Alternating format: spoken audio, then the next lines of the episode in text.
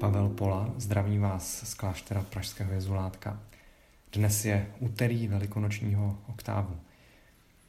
Velikonoce jsou tu proto, aby nám připomněli událost vzkříšení. Tato událost se stala jednou provždy, je tu a stále platí. A my díky ní žijeme, ať už jsme si toho vědomi, anebo ne. Podobně jako žijeme z energie slunce, i když ho zrovna nevidíme kvůli mrakům, nebo protože svítí na druhou stranu země koule. Podobně jako žijeme díky vzduchu, který nás obklopuje, i když ho zrovna necítíme, jako ve chvíli, kdy nám do tváře vane příjemný vánek. Podobně jako žijeme díky úderům našeho srdce, i když je právě neslyšíme. Kdyby ale nebylo slunce, vzduchu, tlukotu našeho srdce nebo vzkříšení, nežili bychom. Mohlo by to tedy vypadat, že není důležité si tyto skutečnosti připomínat. Vždyť oni tu jsou bez ohledu na to, zda o nich víme nebo ne. Myslím, že je ale rozdíl mezi tím vědět o tom, z čeho žijeme, a nevědět to. Liší se totiž naše odpověď, kterou svým životem dáváme.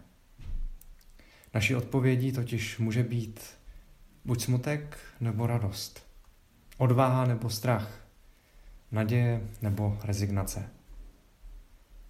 Je rozdíl, když se dovíme, že nás někdo má rád, nebo když to nevíme. Toto vědomí se pro nás totiž stává zdrojem vnitřní síly. Podobně jako vědomí, že Ježíš přemohl smrt, temnotu a zlo. Něco, co bychom mohli označit velikonoční nadějí. Velikonoční zprávy, které čteme v evangelích a dalších knihách písma, jsou tedy právě o tomto procesu, jak se Ježíšovi učedníci a učednice dozvídali o události vzkříšení.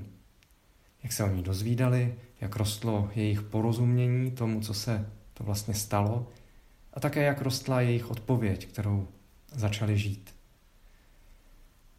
Ty různé zprávy se liší v detailech, které ovšem nejsou podstatné. Důležité mi přijde na prvním místě to, že se to všechno nestalo na povel v jediném okamžiku. Někdy by nám to tak mohlo připadat, že to tak má být, když slavíme velikonoční liturgii a při Gloria uprostřed noci se cvaknutím pojistek rozsvítí slavnostní světla a začnou zvonit zvony. Radujte se teď. Nic takového se tehdy před dvěma tisíci lety nestalo.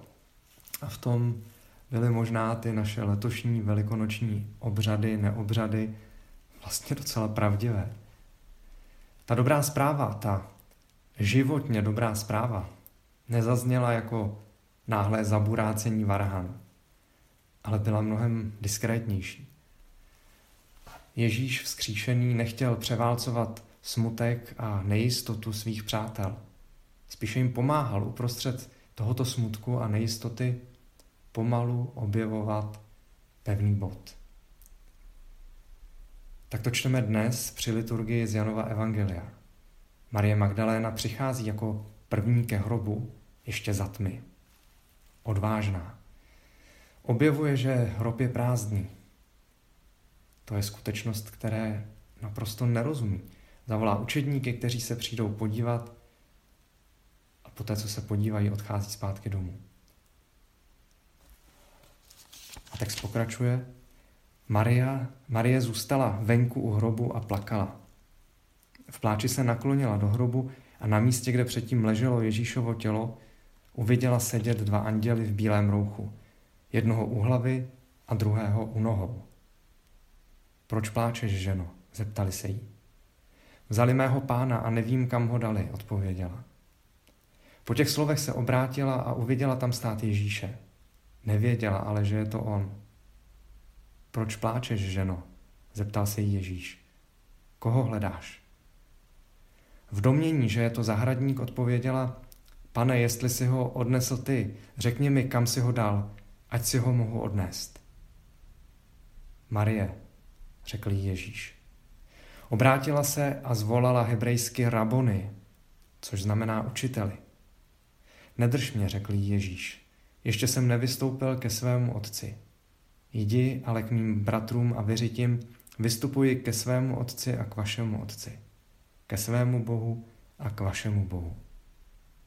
Marie Magdaléna pak šla a zvěstovala učedníkům, že viděla pána a co jí řekl. Marie zůstává před hrobem a pláče.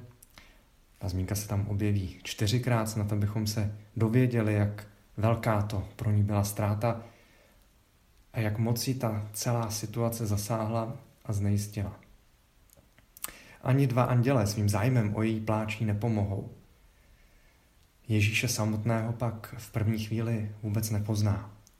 Setkání s ním po vzkříšení je jiné, to víme i z těch dalších eh, událostí, z těch dalších setkání Ježíše s učedníky. Už to zkrátka nebude jako dřív. Vzkříšení není návrat k tomu, co bylo, byť to bylo krásné a dobré, ale je to nová cesta někam dál. Marie vymýšlí, co by mohla dělat pro zmírnění své bolesti, že přenese zpátky Ježíšovo tělo. Ale těžko říct, k čemu by jí to vlastně pomohlo. Ježíše pozná až ve chvíli, kdy zaslechne své vlastní jméno. Žádné výklady o tom, co bylo nebo by mělo být, žádné vysvětlování nebo utěšování, žádné rozumové výklady té situace, ale prosté oslovení. Oslovení, které vyjadřuje pozornost, zájem, vztah. Naděje a nová cesta se pro Marii otevírají právě ve chvíli, kdy zaslechne, že Ježíš vyslovuje její jméno. Přátelé, Bůh vyslovuje naše jméno způsobem, který nikdo jiný nedokáže napodobit. Je se to snad právě uprostřed temnoty, smutku, zmatku, nejistoty, tak jako tenkrát u hrobu. A snad právě na těchto místech se rodí naděje. Přál bych nám všem, abychom zaslechli své jméno z úst vzkříšeného.